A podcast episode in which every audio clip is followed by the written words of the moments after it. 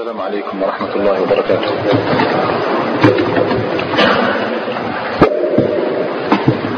الحمد لله رب العالمين وأفضل الصلاة وأتم التسليم على محمد وعلى آله وصحبه أجمعين وعلى كل من تبعه بإحسان إلى يوم الدين. أما بعد فكنا قد رأينا في المجلس الأخير من مجالس دراسة السيرة الأيام الأولى التي قضاها النبي صلى الله تعالى عليه وسلم في المدينة بدءا من دخوله إلى ناحية قباء إلى وصوله المدينة ثم وقفنا قليلا أمام ما مكنه الله تعالى ووفقه إليه من وضع بعض الأسس التي يقوم عليها المسلمون. ونحن إن شاء الله تعالى اليوم في المجلس الخامس والعشرين. من دراسة السيرة نتطرق إن شاء الله تعالى في بيان الأحداث الأولى أو الأحداث السنة الأولى من الهجرة. ولا شك أن أحداث السنة الأولى من الهجرة هي بمثابة التأريخ للسنة الأولى فسنضبط إن شاء الله تعالى في هذه الدروس كل ما حدث في السنة الأولى على حدة وما حدث في السنة الثانية على حدة أخرى وهكذا حتى نصل إلى آخر المطاف إن شاء الله تعالى. فأحداث السنة الأولى من الهجرة كثيرة جدا ونبدأ بما بدأ به رسول الله صلى الله عليه وسلم وأولاه أهمية عظمى. فنرى اليوم إن شاء الله تعالى أسس المجتمع المدني ثم نتطرق إلى بيان حال المخالفين من اليهود والمنافقين ثم نختم حديثنا ببيان بعض الأمثلة على انتشار الإسلام في المدينة النبوية وفي خارجها. ففي الوقت الذي كان المشركون وكانت قلوب المشركين في أوج غليانها وصدورهم في قمة انقباضها مما يرونه بأعينهم ويسمعونه بآذانهم مما يصله من أخبار وأنباء عن دعوة محمد صلى الله عليه وسلم الذي خرج من بلده طريدا وحيدا. بلغهم كل ذلك الأمر والنبي صلى الله تعالى عليه وسلم لم يبالي بمكرهم ولم يبالي بكيدهم بل سار في طريقه من باب قول القائل القافلة تسير والكلاب تنبح. فماذا كان يشغل النبي صلى الله عليه وسلم في تلك الأيام؟ كان منشغلا بوضع أسس المجتمع المدني. الأساس الأول هو المسجد. فبنى المسجد كما رأينا تفاصيل ذلك في المجلس الأخير يجمعهم على طاعة علام الغيوب. وأساس آخر, أساس آخر هو مؤاخاة تتآلف فيها وتحت ظلالها القلوب. ولماذا وقفنا عند هذا هاتين النقطتين؟ لنبين قيمة المسجد في الإسلام. التي ما فتئت تنحصر هذه القيمة عبر الأزمان. فكان المسجد قديما بحق أفضل البقاع. على وجه الأرض جميعها تقام فيها أفضل العبادات. على الإطلاق أي الشعائر. لكن جعله النبي صلى الله عليه وسلم منطلقا بجيوش الفتوحات. كان تنطلق جيوش الفتوح من المسجد. كما جعله دارا للعلم دارا للعلوم. وجعله منبرا للوعظ والإرشاد وجعله ملتقا للصالحين من المؤمنين. بل سنرى إن شاء الله تعالى من خلال دراسة السيرة عبر السنوات التالية يعني سنرى كيف كان المجاهدون في سبيل الله تعالى المصابون بالجراح يعالجون ويمرضون في المسجد. وسنرى أيضا كيف كان النبي صلى الله عليه وسلم يعلق عراجين التمر بالمسجد حتى يأتي المساكين والفقراء والمعوزون يأتون إلى المسجد فيقولون ويجدون ما لذ وطاب. يعني فكانت رسالة المسجد أكبر مما هي عليه اليوم. ولو لم يلتقي المسلمون يوميا على المرات المتعددة في بيت من بيوت الله تتساقط بينهم كل الفوارق فوارق الجاه فوارق المال فوارق الحسب فوارق النسب. لو لم يكونوا على هذه الشاكلة والله لا تثبت تلكم الروح روح التآخي وروح التآلف طرفة عين. فلذلك ركز النبي صلى الله عليه وسلم على هذه النقطة بالذات. لماذا نقول هذا؟ لنعلم أن أن شر البقاع أن خير البقاع قد يتحول إلى شر البقاع لم يؤدي رسالته. ففي إذا رأيت مسجدا يتفرق فيه الناس أو يتفرق بسببه الناس ففي الحقيقة لم يؤدي رسالته. فاليوم لا ينبغي أن نجعل المساجد مفرقة بل هي جامعة حتى نحن نسميها جامع.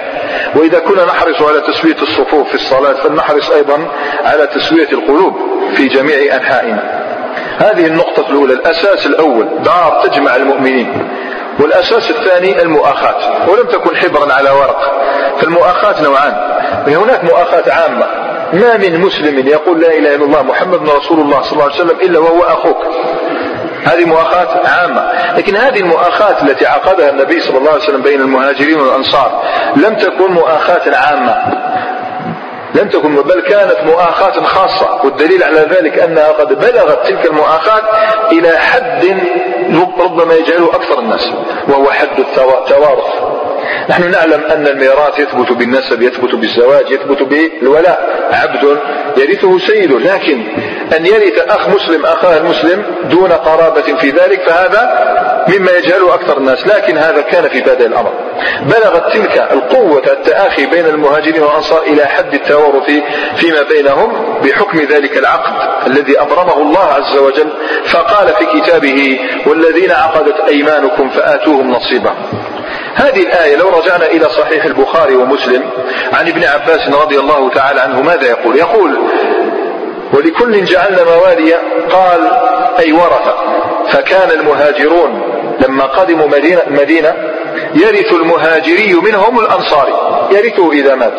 ويرث الأنصاري المهاجري دون ذوي رحمه. يعني لو كان عندك أنت ابن خالة لو كان عندك ابن أخت لا يرثك. لكن أخوك الذي عقد النبي صلى الله عليه وسلم بينكم المؤاخاة يرثك. فهذا يدل يعني ليس أمرا سهلا. النبي صلى الله عليه وسلم أراد أن يوطد العلاقة على أكثر على أكبر وجوه. ثم يقول ابن عباس حتى نزلت ولكل جعلنا موالي مما ترك الوالدان والأقربون. قال فنسخت. أي رفع بل صار سبب الميراث هو النسب وألغيت تلك آه، أو ذلك الحلف الذي كان يعقده النبي صلى الله عليه وسلم بين مهاجر والأنصار لكن قال ابن عباس ولكن يوصي له. أي هو أولى بالوصية. أن توصي لأخيك في ماذا؟ في الله المؤاخاة الخاصة. لاحظ مسجد ومؤاخاة خاصة تربط بين قلوب المهاجرين والأنصار. مما جعل المهاجرون يتلاحقون. يعني ترى الناس يدخلون في دين الله أفواجا بل كانوا يدخلون المدينة خاصة أفواجا. كلهم يبتغي من الله تبارك وتعالى أن يكون ممن قال فيهم ثم إن ربك للذين هاجروا من بعد ما فتنوا ثم جاهدوا وصبروا إن ربك من بعدها لغفور رحيم. هذا ما كانوا يرجونه أن يهاجروا فينالوا رحمة الله تبارك وتعالى ومغفرته. وكنا قد بينا أرجو أن لا تنسوا كل هذه النقاط حتى لا نعيدها كنا قد بينا عظم منزلة الهجرة الهجرة في الإسلام. متى؟ عند بداية الحديث عن الهجرة. بينا ما معنى الهجرة في الإسلام وأحكامها وخطورة القاعد عنها. ولم يبق بمكة أحد حتى علي بن أبي طالب الذي نام على فراش الموت بعد ثلاث أيام من خروج النبي صلى الله عليه وسلم رد الودائع يعني كانت أمانات للرسول صلى الله عليه وسلم له على الناس أو عليه للناس. إما له على الناس أو له على الناس فكان يردها. يردها للناس ثم خرج بعد ثلاث أيام من منطلق رسول الله صلى الله عليه وسلم. فبالضرورة يصل بعده بثلاثة أيام. ولم يبقى في مكة أحد إلا مفتون أو محبوس. إنسان مفتون يعذب ترى لا يزال يعذب أو محبوس كالمستضعفين من الرجال والنساء والولدان. ولم يخرج أهل بيت جميعهم. يعني ما كاش ناس خرجوا من مكة كلهم.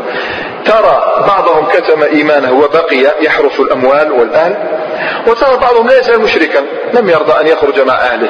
يعني كل بيوت تراها لا تزال مفتحة إلا دور قوم مسمون وهم بنو مضعون. تعرفوا عثمان بن مضعون وأخوه؟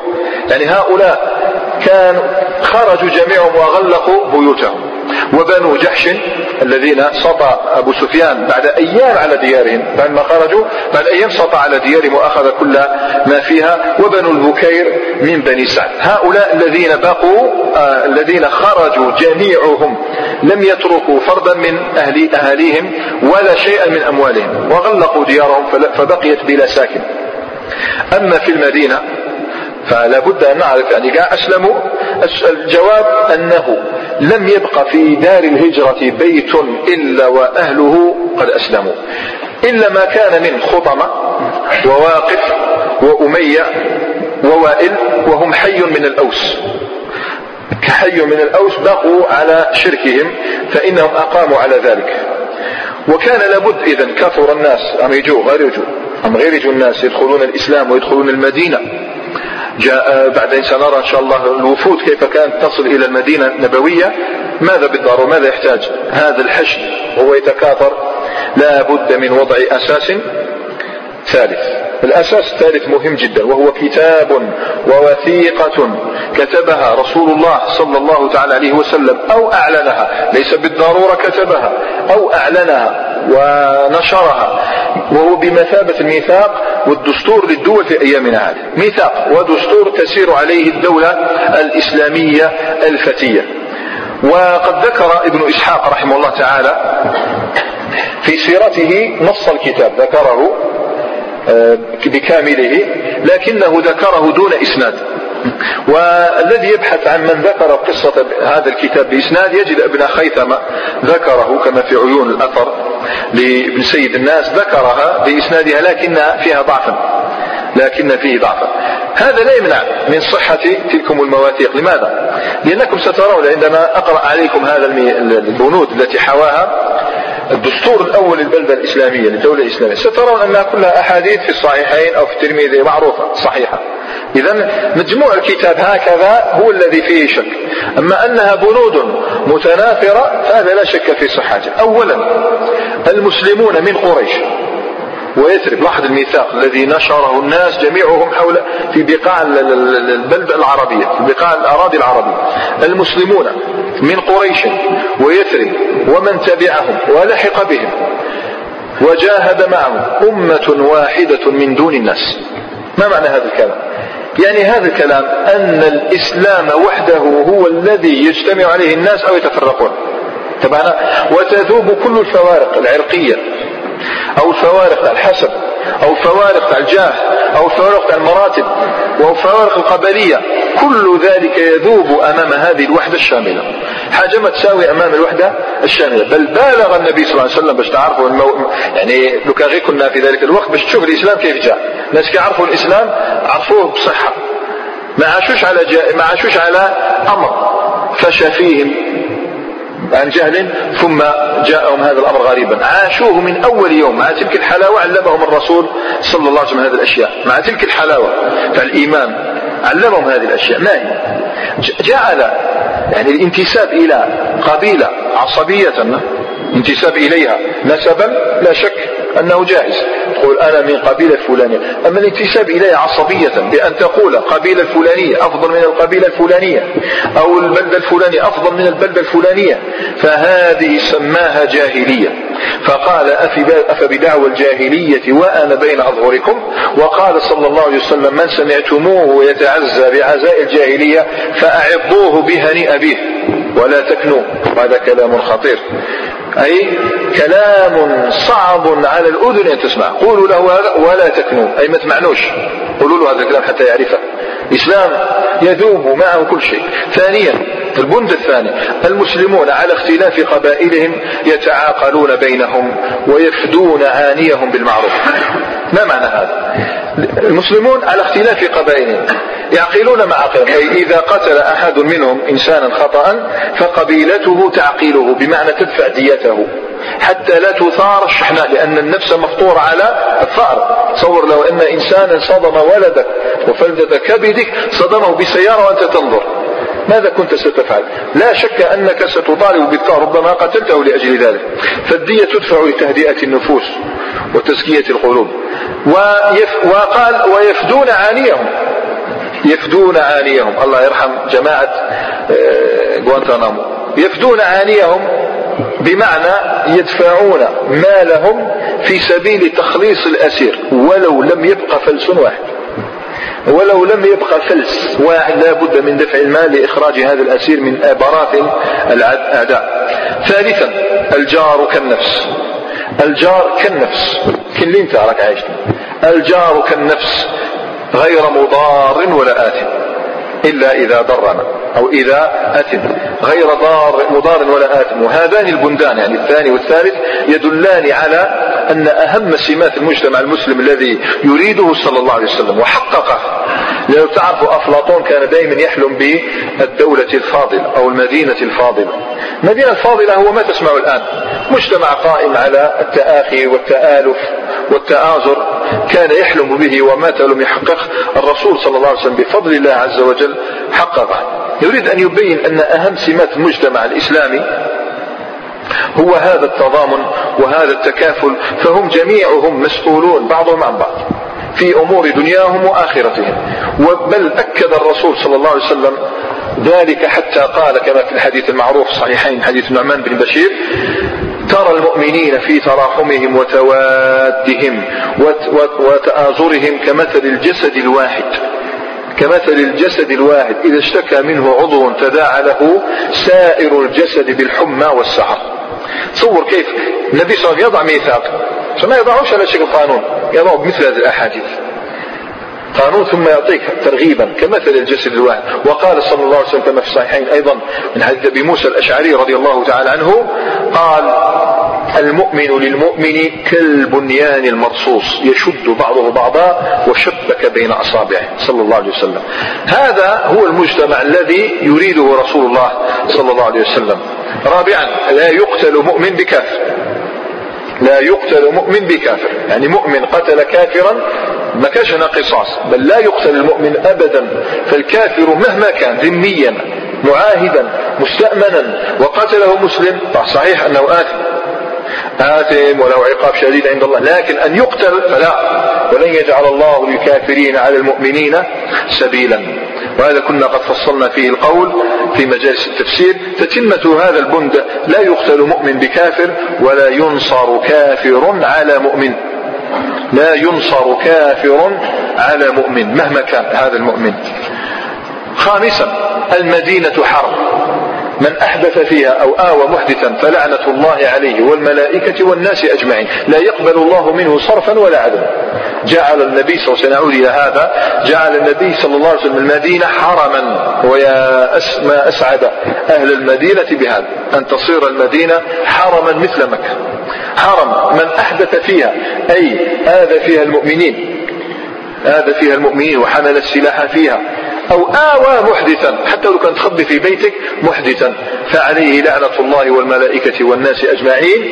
فهذه الحرمة ليست حرمة أعطتها القبيلة ولا العشيرة بل هي حرمة أعطاها الله عز وجل للمدينة فانتقلوا لاحظ من, من أدنى إلى أعلى. سادسا لليهود دينهم وللمسلمين دينهم.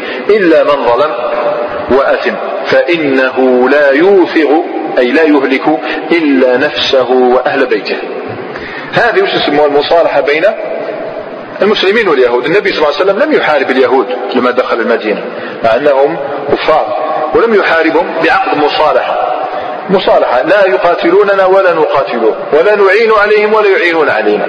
هذه المصالحة وسنرى كيف نقضها كل منهم. بنو النضير بنو قينقاع وبنو قريظة. فهذه المصالحة فسخت بعد سنوات كما سيأتي معنا إن شاء الله. ثامنا ذمة المسلمين واحدة. شو هذا الروعة ذمة المسلمين واحدة. يجير عليهم أدناهم وهم يد على من سواهم. مش معنى هذا الكلام؟ إنسان لما يجي يقول لك أنا في حمايتك أنا في عنايتك يقولوها أنا أجرني. تجيره طبعا لمدة معلومة أقصاها أربعة أشهر. أقصاها أربعة أشهر. تجيره هو كافر كافر. ويأتي إليك في وقت الحرب وتجيره. تذهب إلى الحاكم. تقول هو في جواري ما يجيش الحاكم يقول لك شكون أنت؟ وش من شهادة عندك. وش من منصب عندك. لا. يجير عليهم أدناهم. أدناهم حتى المرأة تجير. كما رأينا في قصة أم هانئ أجارت مشركا. حتى اختلف العلماء في العبد والصبي. هل لهما الجوار أو لا؟ جوار يعني ثابت ليك وهذا كلكم سواء عند الحاكم. لكن إلى مدة معلومة. إن لم يسلم فيقتل. ثامنا المؤمنون. على من بغى عليهم وأن أيديهم عليه جميعا. يعني الإنسان الذي يظلم المؤمنين يقتل لهم قتيلا يهتك لهم عرضا فالمؤمنون جميعا عليه ولو كان ولد أحدهم. على بالك الناس كي تسمع هذا الميثاق ما يتراجعش. لا يتراجع الناس كلهم وقعت على هذه البيعة. لا يتراجع ولو كان ولده. لا يكون له بل يكون عليه. ومضى النبي صلى الله عليه وسلم. طبعا هي المواثيق كثيرة لكن هذه أهمها. ومضى النبي صلى الله عليه وسلم يؤكد هذه المواثيق ويأخذ البيعات عليها.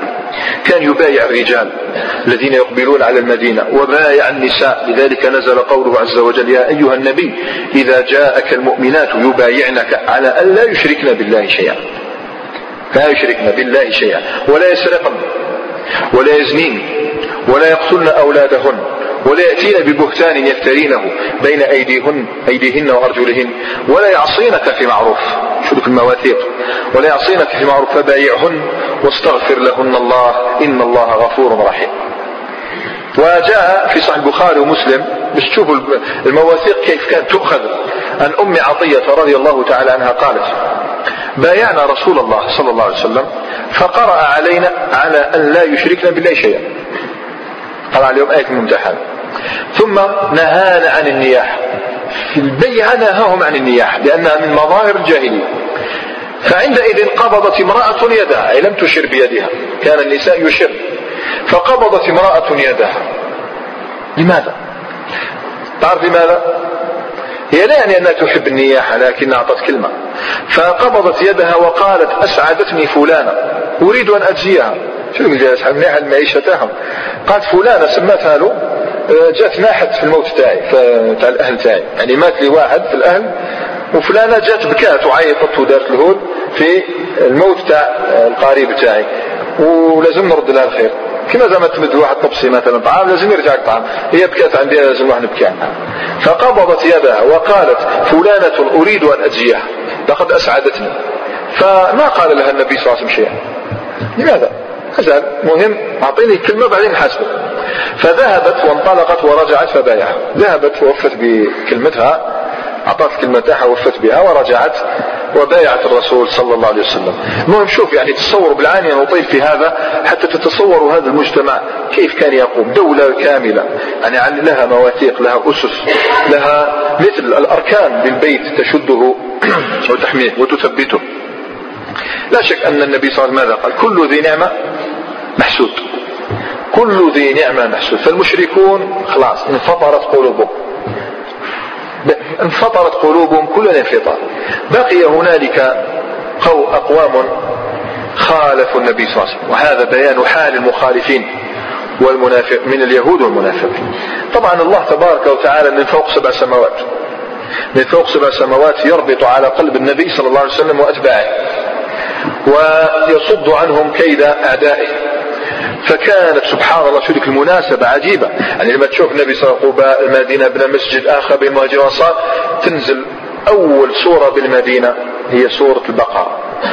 أول سورة نزلت بالمدينة هي سورة البقرة. فنزلت لتفضح نزلت كالشهب تحمل في طياتها الشهب لتكشف حال اليهود ومن طوت عليه نفوسهم وما أضمرته قلوبهم ففضحت طرقهم وأساليبهم وبينت حبائلهم وألاعيبهم فتحدثت كما تعرفون ليقرأ سورة البقرة تحدثت عن كفرهم بالله وقتلهم الأنبياء بغير حق وصدهم عن سبيل الله وتحريفهم لكلم الله وتمردهم على كليم الله موسى عليه السلام وخاصة نراها تدندن عن ماذا؟ حول ماذا تدندن؟ سورة البقرة بزاف كانت تكرر هذا حول المواثيق. الذين ينقضون عهد الله من بعد ميثاقه أو كلما عهدوا عهدا نبذه فريق منهم. كانت تركز على الموت وإذا أخذنا ميثاق بني إسرائيل شحال تكررت في سورة البقرة؟ كلمة الميثاق أقرأها في سورة البقرة. نزلت تدندن حول هذا لماذا؟ ليحذر النبي صلى الله عليه وسلم من هؤلاء اليهود. إياك. وليكون المسلمون كلهم في استعداد وأهبة لانقلاب اليهود عليهم هم في استعداد عرفوا نفسيتهم أنهم مهما رأوا من المعجزات مهما رأوا من الكرامات مهما رأوا من أشياء خوارق العادات سينقضون ميثاقهم. فهذا رأينا أمثلته كثيرة في تفسير سورة البقرة. طبعا اليهود بينت حالهم بما فيه كفاية وإذا بهذه الصورة تفاجئهم فاجأت المسلمين جميعا. فاجأتهم وهي تكشف لهم قوما جددا قوما مذبذبين مذبذبون أو قوما مذبذبين بين المسلمين والكفار وهم المنافقون. كشفت لهم شخصيات أخرى ما كان يعرف النفاق قديما النفاق ما كانش كفر وإيمان بل كان النفاق في الخير. نفاق في الخير يعني هذا اصطلاح خاص. كيف؟ في وقت الضعف في مكة ماذا كان يفعل المسلمون؟ يكتمون إيمانهم ويظهرون الكفر. الآن هذا النفاق العكس. يكتمون الكفر ويظهرون الإيمان والإسلام. مفهوم؟ يعني لاحظ القوة التي بلغت بالمسلمين في المدينة. فنزلت هذه السورة. ومن الناس من يقول آمنا بالله وباليوم الآخر. إيه ما شاء الله. من الناس من يقول آمنا بالله وباليوم الآخر. أنت ما تقولش آمنا باليوم الآخر. لكن الله وما هم بمؤمنين؟ احذروهم أو في وسطهم. وما هم بمؤمنين. يخادعون الله والذين آمنوا وما يخدعون إلا أنفسهم وما يشعرون. في قلوبهم مرض فزادهم الله مرضا ولهم عذاب أليم بما كانوا يكذبون. نزلت هذه وآيات أخرى بعدها تبين حالهم حتى صار المسلمون أيضا على أهبة من ظهور هؤلاء وبث الفرقة بينهم. لاحظت الأسس؟ أسس مهمة جدا في بيان حال هؤلاء. وكان على رأس هؤلاء المنافقين رجل يدعى بعبد الله بن أبي بن سلول. عبد الله بن أبي بن سلول من هو؟ ما هي قصته؟ وش به؟ غير الخير. مفهوم كانك تقول وش به هذا؟ غير علاش ما كاين علاش علاش حمل العداوة في قلبه على النبي صلى الله عليه وسلم؟ لماذا؟ مبدأ هذا من قصة الأوس والخزرج. الأوس والخزرج قبائل من العرب. نزحت إلى يثرب من اليمن. بعد ما جاء السيد العالم هرب العرب اندفعوا. هذا إلى نجد هذا إلى قرب اليمن هذا إلى الحجاز هذا إلى مكة هذا إلى يثرب. الأوس والخزرج مثل ما نقول إحنا عرشان عروش. عرشان عظيمان نزلوا بيثرب. وأهم شيء أحدثه الله تبارك وتعالى وأثلج به صدور المؤمنين وأقر به عيون المسلمين هو أنه وحد بين الأعداء وجعلهم مثل الأخلاء. أوس والخزرج يتحدوا نحام الرأس. تمام الأوس والخزرج باش يتحدوا نحام كل واحد يجي يقول لك مثلا اتحد مثلا هذا يكون أمريكا مع العراق. يعني شيء مستبعد اتحد اليهود مع المسلمون مثلا الملتزمون. مع المسلمين الملتزمين مستحيل. يعني أوس والخزرج حدثت بينهم حروب طاحنة وعداوات ساخنة مات فيها الألوف. كثير من الناس ماتوا ومعروف آخر حرب كانت بينهم يوم بعاث يوم بعاث خمس سنين قبل ما يهاجر النبي صلى الله عليه وسلم للمدينة. وقعت موقعة بعاث وبعاث هذه مكان ويقال مزرعة ويقال حصن. قريب بعيد عن المدينة بميلين بميلين. بعيد خارج المدينة بواحد الميلين اثنين. كان هناك حصن قامت فيه هذه الحرب بين الأوس والخزرج فسموه بعاث نسبة إلى الاسم الذي وقعت فيه وهو مكان. ف طبعا الحرب هذه كانت من بكري. وكانت تتخللها فترات ومصالحات. لكن تعرف الهدنة اللي تحدث إما يمليها عليهم التعقل شوية بركاو أو يمليها عليهم الفتور الملل كل يوم حرب ملوا ففي الوقت هذاك الذي في الوقت هذاك الذي هدأت فيه الحرب طبعا آخر حرب قلنا خمس سنين فكانوا يريدون أن يتوجوا من؟ عبد الله بن أبي بن سلول عليهم عبد الله بن أبي بن سلول كانوا يريدون أن يتوجوه عليه ويجعلونه زعيما. قبل ما يجي النبي صلى الله عليه وسلم مرت بيعتان إذا فنستطيع أن نقول أن الأنصار اتجهت قلوبهم وانصرفت عيونهم إلى من؟ إلى الملك المتوج المنتظر عبد الله بن أبي بن لا لما سمعوا بالبيعة وقعت الأولى والثانية انصرفت قلوبهم إلى هناك. فلم يشم عبد الله بن أبي بن سلول رائحة الزعم لم يشم هذه الرائحة. لماذا؟ رأى الناس كلهم انصرفوا إلى القائد الذي سيقودهم. ليس من أمن الدنيا فقط. ليس يقودهم إلى أمن الدنيا فقط ولكن إلى أمن الدنيا والآخرة. فعندئذ طبعا هذا الأمر آه، رهيب على القلب. فلا يمكن أن يتخيل أن نتاجه ستدوسه الأقدام وأنه ستتبخر لديه كل الأحلام وكأني به يتمنى أنه لو لم يطل به العمر يا ليته لم يطل به العمر إلى هذا اليوم أن يرى الملك والزعامة تذهب منه. فلا شك أن الحسد يعمل عمله في قلب الناس ولكنه قاصر. طبعا ليس بعد الكفر ذنب لكنه لا يفكر. كان يمكنه أن يصير زعيما إذا مد يده إلى رسول الله صلى الله عليه وسلم. لو مد يده إلى يد رسول الله صلى الله عليه وسلم كما مدها سعد بن معاذ وسعد بن عبادة وسيد بن حضير لصار زعيما كما كهؤلاء. لكن الناس هذا ما لا تفكر لا دين ولا عقل. فاستكبر أبى واستكبر وكان من الكافرين. وش يبقى كافر. مشكلة. يصرح بالكفر مشكلة. فهنا ظهرت أول بذرة من بذور النفاق. أول بذرة من بذور النفاق هو هذه. فنتجت ظهرت جماعة مسمات بالمنافقين. فضحهم الله عز وجل في أكثر من سورة في أكثر من آية. وهذه الحقيقة وهذا الحلم لم يتبخر فقط عند عبد الله بن أبي بن بل ترى قوما يشاركونه هذا الحزن وهم اليهود. اليهود الذين كانوا يستفتحون على الذين كفروا يقولون لهم سيخرج قد أظلنا زمان آخر نبي لئن خرج لنقاتلنكم معه قتل عاد وإرم. كانوا يريدون أن يسحقوا العرب فإذا بهم يأتي نبي من العرب زيد ويعطي السيادة للعرب فقالوا لا لولد إسماعيل. لا, لولد لا لنبي من ولد إسماعيل. وهذا في الحقيقة ما جعل الوثنيين في المدينة عاشوا مع اليهود. سمعوهم يخبرون بأنه زمان يضل أو قد أضل خروج نبي آخر الزمان سمعوا عاشوا. فلا شك أنهم أهل أديان يعرفون بأنبياء بالنبي آخر الزمان.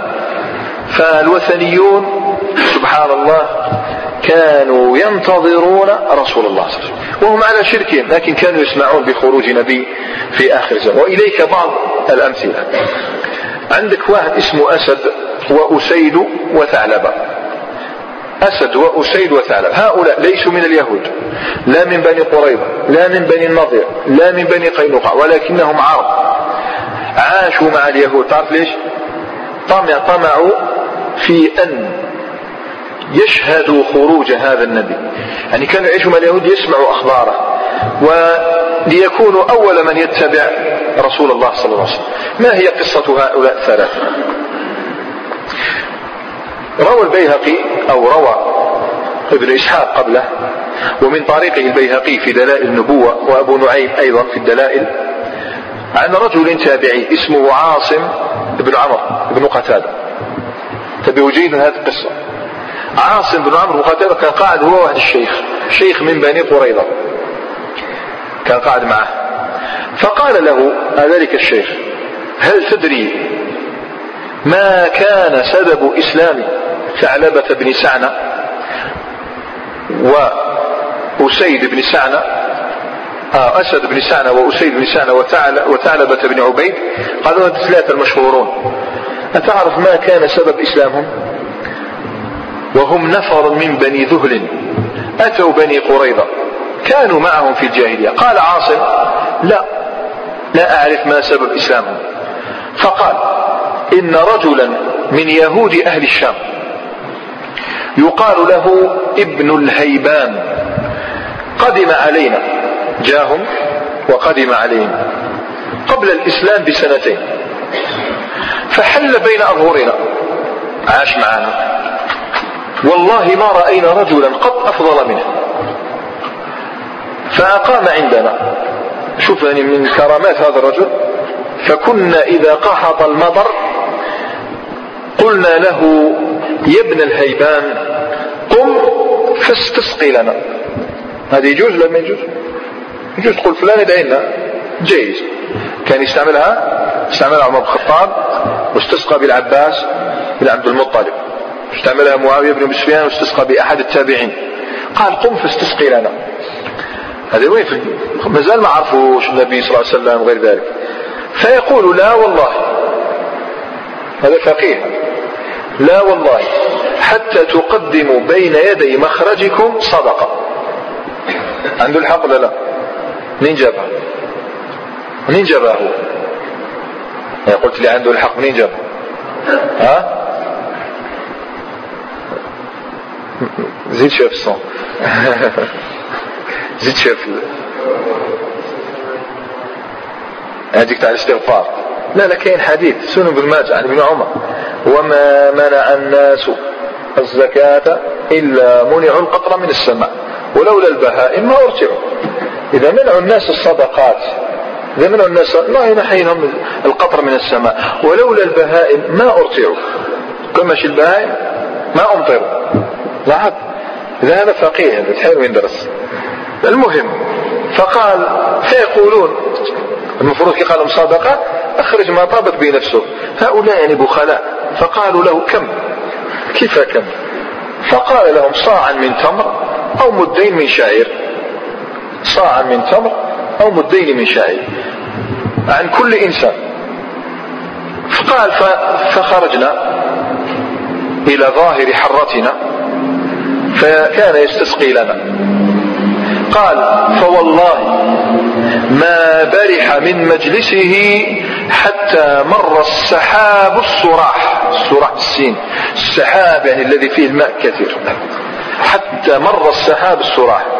ونسقي به. ففعل ذلك غير مرة. ولا مرتين. ولا ثلاثا ثم حضرته الوفاة. استمعوا.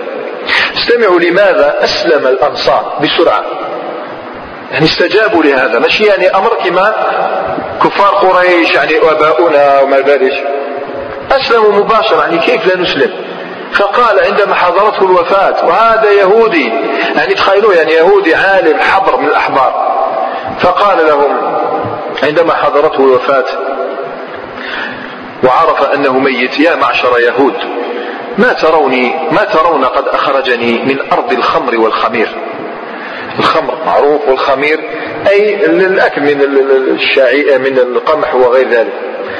إلى أرض الجوع والبؤس مش خرجنا من بلادي إلى بلاد فقالوا له طبعا هو منين جاء؟ من الشام. الشام أرض زراعية كلها إلى أيامنا هذه. فقالوا الله أعلم. فقال إني قدمت إلى هذا البلد لتوكفي أي لترقب.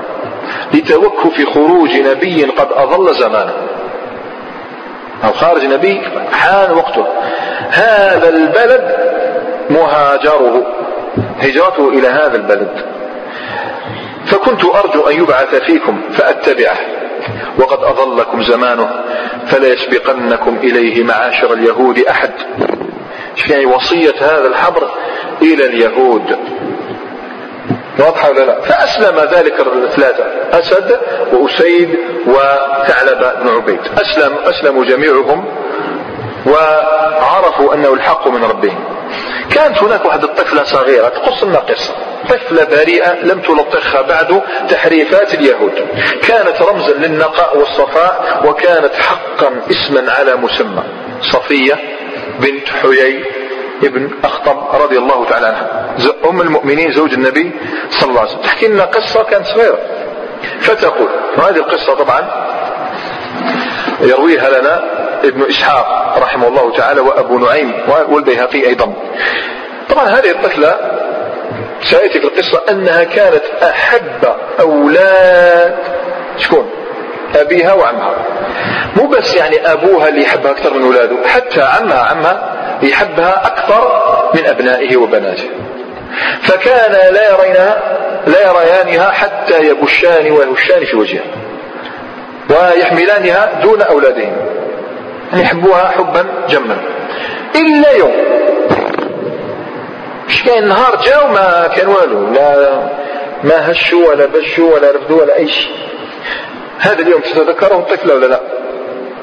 تتذكره. يعني يثقل في القلب. فتذكرته. ماذا تقول؟ قالت لم يكن من ولد أبي وأبوها شكون حيي بن أخطب وعمها ياسر بن أخطب زعيمان من زعماء بني قريظة. زعيمان كما نقول زعيمان بعد صح قالت لم يكن من ولد أبي وعمي أحد أحب إليهما مني. لم ألقهما قط إلا مع ولد لهما إلا أخذان دونه. فلما قدم رسول الله صلى الله عليه وسلم قباء يعني في الأيام الأولى في البضعة عشر الأيام الأولى فلما قدم رسول الله صلى الله عليه وسلم قباء ونزل بقرية بني عوف بن مالك آه، بني عمرو بن عوف غدا إليه أي في الصباح غدا غدا بعد الغداء غدا إليه أبي وعمي أبو ياسر ابن أخطب مغلسين إيش معنى مغلسين؟ ما زال لم يسفر بعد. يعني ضوء الفجر ما زال ما بانش. فقالت فوالله ما جاءنا إلا مع مغيب الشمس. خرجوا من الغداة وجوا مع الغروب. جاءنا فاترين. فاترين يعني كسلانين. كسلانين ساقطين يمشيان الهوينا. تخيلوا ما يمشوا خلاص يعني شوف كيف راحوا شوف كيف رجعوا يعني يمشوا واحد مشيا تاع كي يشوف كيف يدير لك يمشيان الهوينا. فتهششت إليهما كما كنت أصنع. فوالله ما نظر إلي واحد منهم. هذه كبيرة. طفلة لما يعني تدللها ثم تخرج لها بهذه الخرجة سجلها فوالله ما نظر إلي واحد منهما. فسمعت عمي أبا ياسر يقول لأبي لاحظ أحبار اليهود. أهو هو؟ قال نعم والله. عجب اليهود عجب. أهو هو؟ قال نعم والله. قال أعرفته بعينه وصفته؟ قال نعم والله. فقال فماذا في نفسك منه؟ قال عداوته والله ما بقيت. أوش في نفسي. عداوته والله ما بقيت. نبقى العادي ما بقيت. ذكركم شكون؟ بأبي جهل. أنبئ محمدا أني لم أندم قط على عداوته. عجيب. الذين آتيناهم الكتاب. مش تعرف؟ يعرفونه كما يعرفون أبناءهم. وإن فريقا منهم ليكتمون الحق وهم يعلمون. الحق من ربك. فلا تكونن من الممتارين باش تفهم هذه الآيات جيدا عندما تقرأها. كانوا يعرفون كما يعرفون أبناءهم. شفنا قصة سعد وأسد وأسيد وثعلبة. طفلة بريئة صفية بنت حيي بن أخطر عندنا رجل آخر يحدثنا باش تشوفوا علاش أسلموا. قد قلنا نتكلموا عن مواقف المخالفين وانتشار الإسلام في المدينة. هذا الرجل اسمه سلمة بن سلام ابن وقش رضي الله عنه. أسلم من بعد. روى ابن إسحاق والبيهقي قال عنه هذا الولد هذا يقول سلمة بن سلام مش يقول؟ كان لنا جار من يهود من يهود من يهودا في بني عبد الأشهل. وبني عبد الأشهل هم قوم سعد بن معاذ سعد بن زرارة وغيره. كان يهودي معه فخرج إلينا يوما. يهودي راح يدعو شكون؟ المشركين كانوا مشركين. فخرج إلينا يوما من بيته حتى وقف على بني عبد الأشهل. شوف شوف ديك الدقة في الوصف. باش تشوف الولد الصغير شحال يسجل. قال وأنا يومئذ أحدث من فيهم سنا. علي فروة. فروة مثل العباية مثل من الصوف. علي فروة مضطجع فيها بفناء أهلي. شوف الدقة. كنت نايم بفناء أهلي وعلي يعني ما انساش هذه اللحظة. فذكر القيامة. هذا اليهودي جاء. فذكر القيامة والبعث والحساب والميزان والجنة والنار. وقال لقوم وقال ذلك لقوم من أهل الشرك. أهل الشرك واش يؤمنون بالبعث؟ لا. قال لقوم أهل الشرك أصحاب أوثان لا يرون أن بعثا كائن بعد الموت كشف بعث فقال ويحك يا فلان؟ أنا راح لقدر راهب معروف ويحك يا فلان. أو ترى هذا كائنا أن الناس يبعثون بعد موتهم إلى دار فيها جنة ونار يجزون بأعمالهم؟ قال نعم. والذي يحلف به. شوف الحلف. والذي يحلف به. لوددت. أن حظي من تلك النار أن توقدوا أعظم تنور في داركم. فتحمونه. تنور تعرفوا شو هو التنور؟ ضفار التنور. التنور هو يصنع من طين.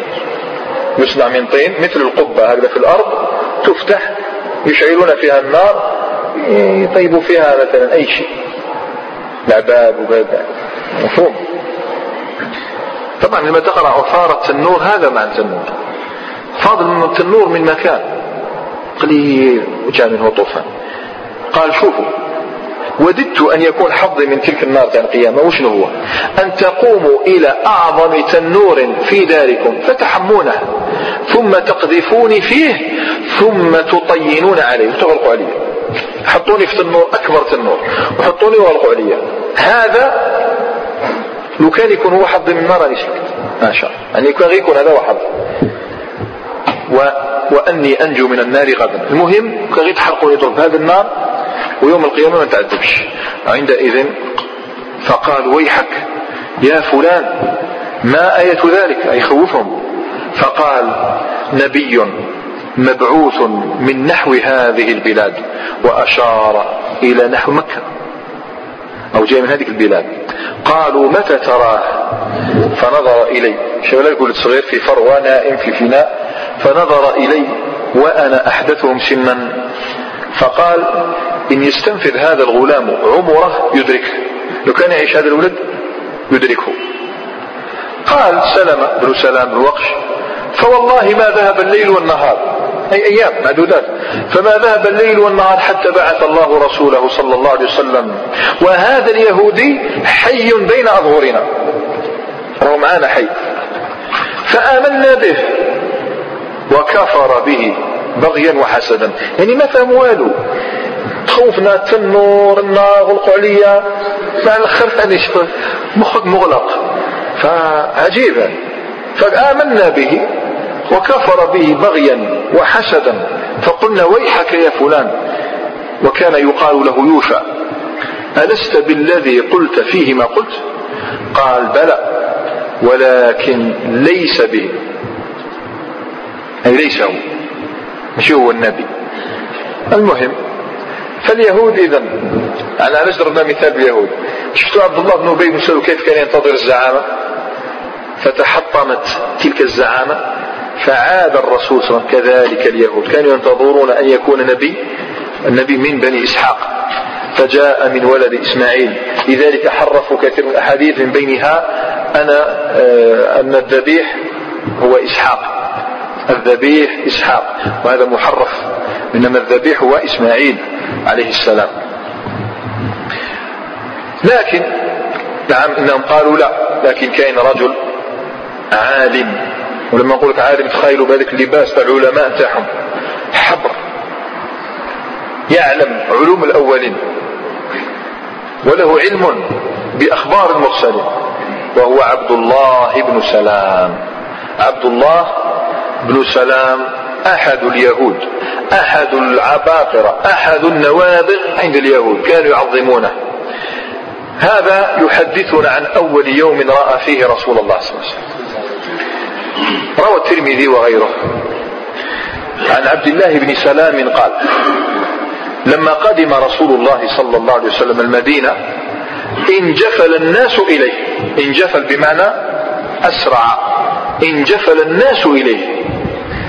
وقيل قدم رسول الله صلى الله عليه وسلم. قدم رسول الله صلى الله عليه وسلم. قدم رسول الله صلى الله عليه وسلم. قال فجئت في الناس لأنظر إليه. فلما استثبت وجه رسول الله صلى الله عليه وسلم عرفت أن وجهه ليس بوجه كذاب. شوف أهل العلم يعرفك فقط من عينيك ليس بوجه كذاب.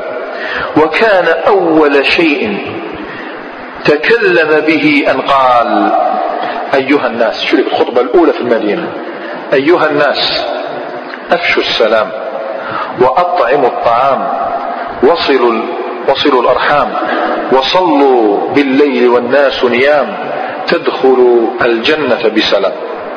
الكلام هذا؟ تخيل انت عالم من علماء اليهود تسمع مثل هذا الكلام. كلمات قليلة يسيرة ذابت أمامها كل شعارات التي تدعي الآمن والسلام والمؤاخاة والعدل وغير ذلك. كلمات قليلة خرجت من فم رسول الله صلى الله عليه وسلم تؤذن بميلاد مجتمع. ما أعظم هذا المجتمع؟ هل يمكن أن تتصور مجتمعا؟ تفشو فيه السلام. اسمع غير السلام عليكم. وعليكم السلام الله. السلام عليكم. تفشو فيه السلام. وهو المصنع من مصانع المحبة. أفلا أدلكم على شيء إذا فعلتموه تحاببتم؟ أفشوا السلام بينكم. مجتمع تمتد يده إلى المحتاج. وتتطاول لإعانة المعوزين بل أرجلهم تشق الطرق لصلة الأرحام. وإذا ذهب النهار وجن الليل وغابت الطيور في الأوكار قامت أجنحة المؤمنين لتطير إلى ربها عز وجل تقوم إليه مصلية ذاكرة رغبا ورهبا. تعرف كمجتمع بحال هذا في النهار غير سلام إعانة المحتاجين صلة الأرحام في الليل قيام لله عز وجل. تعرف كمجتمع فعلم عبد الله بن سلام وأدرك أن هذا ليس من وضع البشر أبدا. فما كان منه إلا أن أقبل على رسول الله صلى الله عليه وسلم. شوف أهل العلم. أقبل على رسول الله صلى الله عليه وسلم يعرض إسلامه عليه. من يروي لنا هذا الحديث؟ يرويه لنا الإمام البخاري عن أنس بن مالك رضي الله تعالى قال سمع عبد الله بن سلام بقدوم رسول الله صلى الله عليه وسلم. طبعا هذه وش راح يحدث الآن؟ قاصمة الظهر لليهود. صاروا أحبار ورهبان آمنوا بالنبي صلى الله عليه وسلم. سمع بقدوم رسول الله صلى الله عليه وسلم. وهو في أرض يختلف. يختلف بمعنى يجني الثمار. ومنه الخروف. خروف سمي خروف لأنه يجني ويقضم هذه الثمار. فأتى النبي صلى الله عليه وسلم فقال يا محمد صلى الله عليه وسلم إني سائلك شوف الأدب إني سائلك عن ثلاث لا يعلمهن إلا نبي. فما أول أشراط الساعة؟ وما أول طعام أهل الجنة؟ وما ينزع الولد إلى أبيه أو إلى أمه؟ يعني يشبه الولد يشبه أمه. سألوا عن ثلاثة أشياء. أول أشراط الساعة. أول طعام يأكله أهل الجنة. ولماذا ينزع الولد إلى أبيه أو إلى أمه؟ غير خير. فقال النبي صلى الله عليه وسلم أخبرني بهن جبريل آنفا. شوف العزم الأمانة العلمية أخبرني بهن جبريل آنفا. فقال عبد الله بن سلام جبريل؟ قال نعم. فقال ذاك عدو اليهود من الملائكة. من جبتها ذاك عدو اليهود من الملائكة. فقرأ عليه النبي صلى الله عليه وسلم من كان عدوا لجبريل؟ فإنه نزله على قلبك بإذن الله. والآية اللي بعدها من كان عدوا لجبريل فمن كان عدوا لله وملائكته وجبريل وميكال إن الله عدو للكافرين. هذه الآية قرأها عليه. طبعا عبد الله بن سلام ما كان منه إلا أن سكت. فقال النبي صلى الله عليه وسلم أما أول أشراط الساعة فنار تحشر الناس من المشرق إلى المغرب إلى الشام. المغرب هي الشام. وشفنا بهذه معنى أول أشراط الساعة. نحن نعلم أن هذه آخر أشراط الساعة. يحدث ما يحدث يأجوج مأجوج مسيح دجال نفخ تأتي ريح تقبض الروح المؤمن نار تحشر النار إلى آه، الناس إلى المغرب. وجهنا هذا الحديث بأنه الساعة تنقسم إلى ثلاث أقسام. أشراط ساعة صغرى أشراط ساعة كبرى. ثم الساعة يعني قيام الساعة متى؟ خلاص بعد أن يأذن الله بقيام الساعة. إذا فأول أشراط الساعة بالنسبة لأكبر وأعظم ما في الساعة وهو القيام قيام الساعة ما هي؟ تعتبر أول أشراط الساعة هذه. أشراط الساعة يعني بمعنى القيام والبعث. فقال وأما أول طعام يأكله أهل الجنة فزيادة كبد الحوت. زيادة كبد الحوت. هكذا يريد الله عز وجل أن يكرمنا يوم القيامة. وإذا سبق ماء الرجل ماء المرأة نزع الولد. وإذا سبق ماء المرأة نزعت. إذا سبق الماء تاع المرأة يخرج الولد يشبه المرأة. وإذا سبق الماء تاع الرجل يخرج الولد لمن؟ لأبيه. قال عندئذ أشهد أن لا إله إلا الله وأشهد أنك يا محمد رسول الله صلى الله عليه وسلم. إن اليهود قوم بهت. أي يفترون ويدور عليك لحظة ينقض الميثاق عادي. قوم بهت وإنك إن أعلمتهم بإسلامي لو يسمعوا بلاني مسلم قبل أن تسألهم عني بهتوني يعني كانوا يسمعوا بلي أسلمت يبدأوا من الآن يقذفوا فيا. قال فاسألهم عني. واختبأ. واحد ما يشوف فجاءت اليهود فقال لهم النبي صلى الله عليه وسلم أي رجل عبد الله فيكم؟ فقالوا بين عبد الله خيرنا وابن خيرنا وسيدنا وابن سيدنا. هذه المسألة فيهاش نقاش. إيش بيك تنسقسي عليه؟ سقسينا إحنا؟ هو سقسي علينا. مش إحنا تسقسينا عليه؟ أعظم سيدنا وابن سيدنا. فقال أرأيتم إن أسلم عبد الله بن سلام؟ فقالوا أعاذه الله من ذلك. أنا غير نحيا من راسه أعاذه الله من ذلك. فخرج عليهم عبد الله بن سلام فقال أشهد أن لا إله إلا الله وأن محمدا رسول الله صلى الله عليه وسلم. فقالوا بل هو شرنا وابن شرنا وانتقصوه. عادي. وانتقصوه يعني ما حبش يذكر بك الراوي قالوا أشياء عجيبة. وانتقصوه فقال عبد الله بن سلام هذا الذي كنت أخاف منه يا رسول الله صلى الله عليه وسلم. نكمل إن شاء الله بعد الأذان بقية احداث التي حدثت السنة الأولى.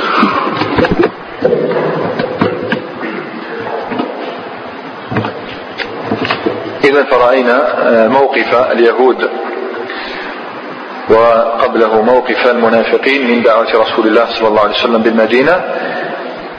وقلنا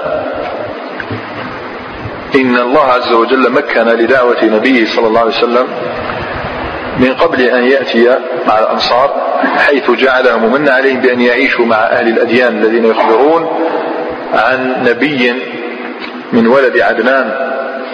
يأتي آخر الزمان فعرفوه قبل أن يروه فلما جاءهم ما عرفوا آمنوا به وهؤلاء لما جاءهم ما عرفوا كفروا به فلعنة الله على الكافرين. ولم يزل المهاجرون يقدمون إلى مدينة رسول الله صلى الله عليه وسلم. لم تتوافد الوفود حتى اضطر النبي صلى الله تعالى عليه وسلم إلى أن يخطب على عود من الخشب. ومتى إنسان يحتاج إلى أن يخطب على عود من الخشب؟ إذا كثر الملأ إذا كثر الناس. ومع ذلك ظلت الوفود تتزاحم وتتوافد على النبي صلى الله عليه وسلم. فكان لابد عليه أن يتخذ منبرا مرتفعا عن الأرض. واقترحوا عليه ذلك وسنرى من كان له الشرف في صنع هذا المنبر. وما سمع الناس لأنه تعرفوا لما تحضر مجلس يعني تود لو أنك ترى الخطيب وهو يخطب تراه بعينك. فكانوا بعضهم كان لا يرى جيدا يعني يغطيه الناس بحكم بعده عنه فما سمع أحد منهم هذا الخبر إلا وطار فرح كلهم سيتمكنون من رؤية رسول الله صلى الله عليه وسلم وهو يخطب. إلا شيئا واحدا إلا شيئا واحدا ركبه الحزن والأسف.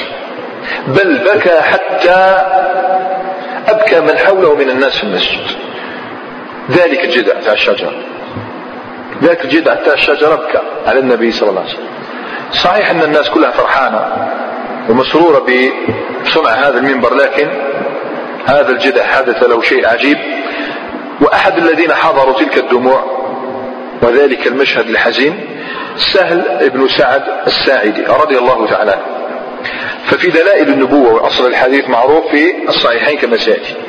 ففي دلائل النبوة للإمام أبي نعيم عن سهل بن سعد الساعدي رضي الله تعالى عنه قال كان رسول الله صلى الله عليه وسلم يقوم إذا خطب إلى خشبة كانت في المسجد.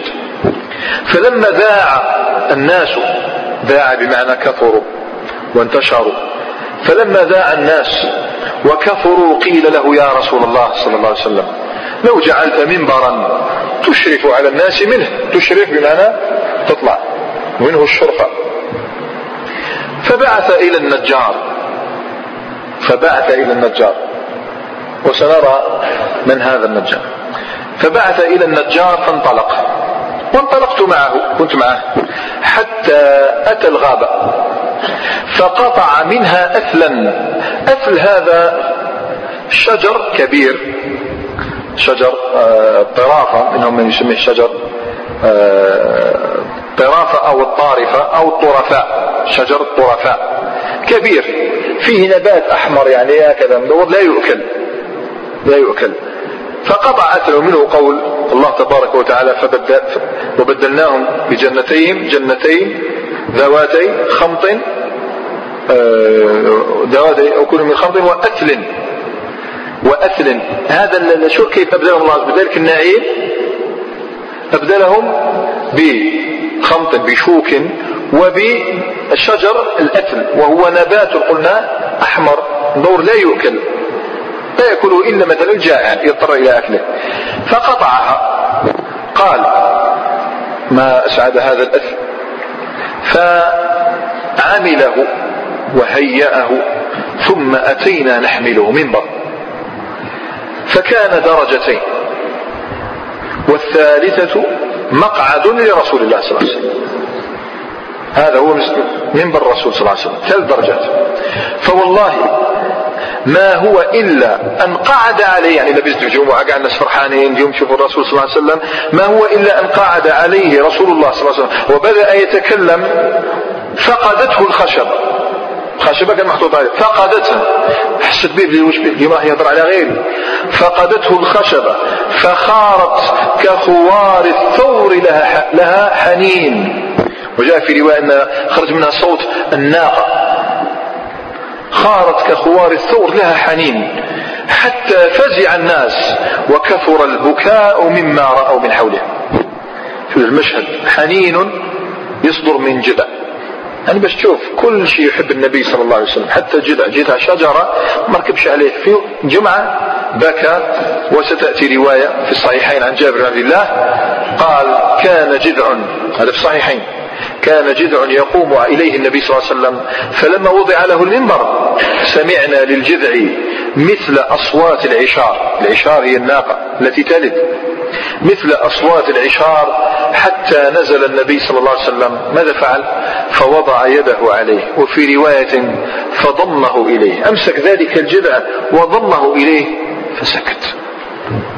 هاي مشاهد التي يكرم الله تعالى بها أصحاب النبي صلى الله عليه وسلم أن يشاهدوها.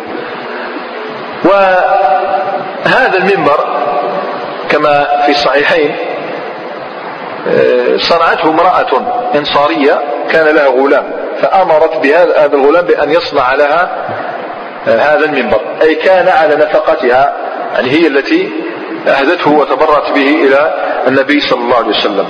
فوق هذا المنبر يقول لنا سهل بن سعد الساعدي كما في الصحيحين يقول آه، صعد النبي صلى الله عليه وسلم المنبر فكبر.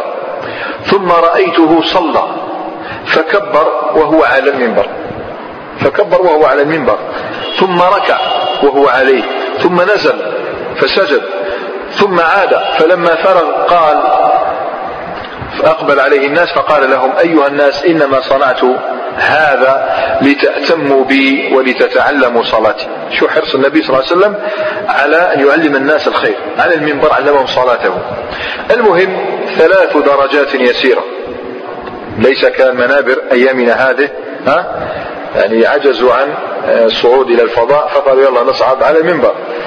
طبعا صعد على المنبر وين رايح؟ فهي ثلاث درجات يسيرة حتى يراك الناس. فهنيئا لتلك الأنصارية وهنيئا لذلك الغلام وهنيئا لذلك الأثل ولكن هذا الأثل يا أخواننا كان ينسب إلى الأرض. بعدين تغيرت النسبة تاعه دخل في سجن آخر. صار ينسب إلى الجنة. النبي صلى الله عليه وسلم صار ينسب للجنة. فقد جاء في مسند الإمام أحمد وسنن النسائي بإسناد صحيح كما يقول الشيخ الألباني رحمه الله عن أم سلمة رضي الله تعالى عنها قال إن قوائم منبري هذا رواتب في الجنة.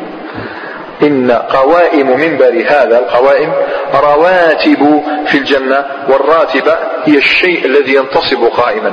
أي رهي أشياء قائمة في الجنة. أو سيكون معي في الجنة. أو أن الذي يحرص على التقدم إليه مما يدل على التبكير للصلاة الجمعة فهو يمكن أن يكون في الجنة. المهم هذا هو قول رسول الله صلى الله عليه وسلم. جعل هذه القوائم قوائم المنبر تاعه رواتب في الجنة. وسيأتي معنا لاحقا أنه ليس فقط هذا الذي هو من الذي صار ينسب إلى الجنة بل حتى تلكم المساحة ما بين بيت الرسول صلى الله عليه وسلم ومنبره كانت تنسب إلى الجنة. ونرى فضائل المدينة النبوية وغير ذلك من الأحداث في السنة الأولى من الهجرة النبوية.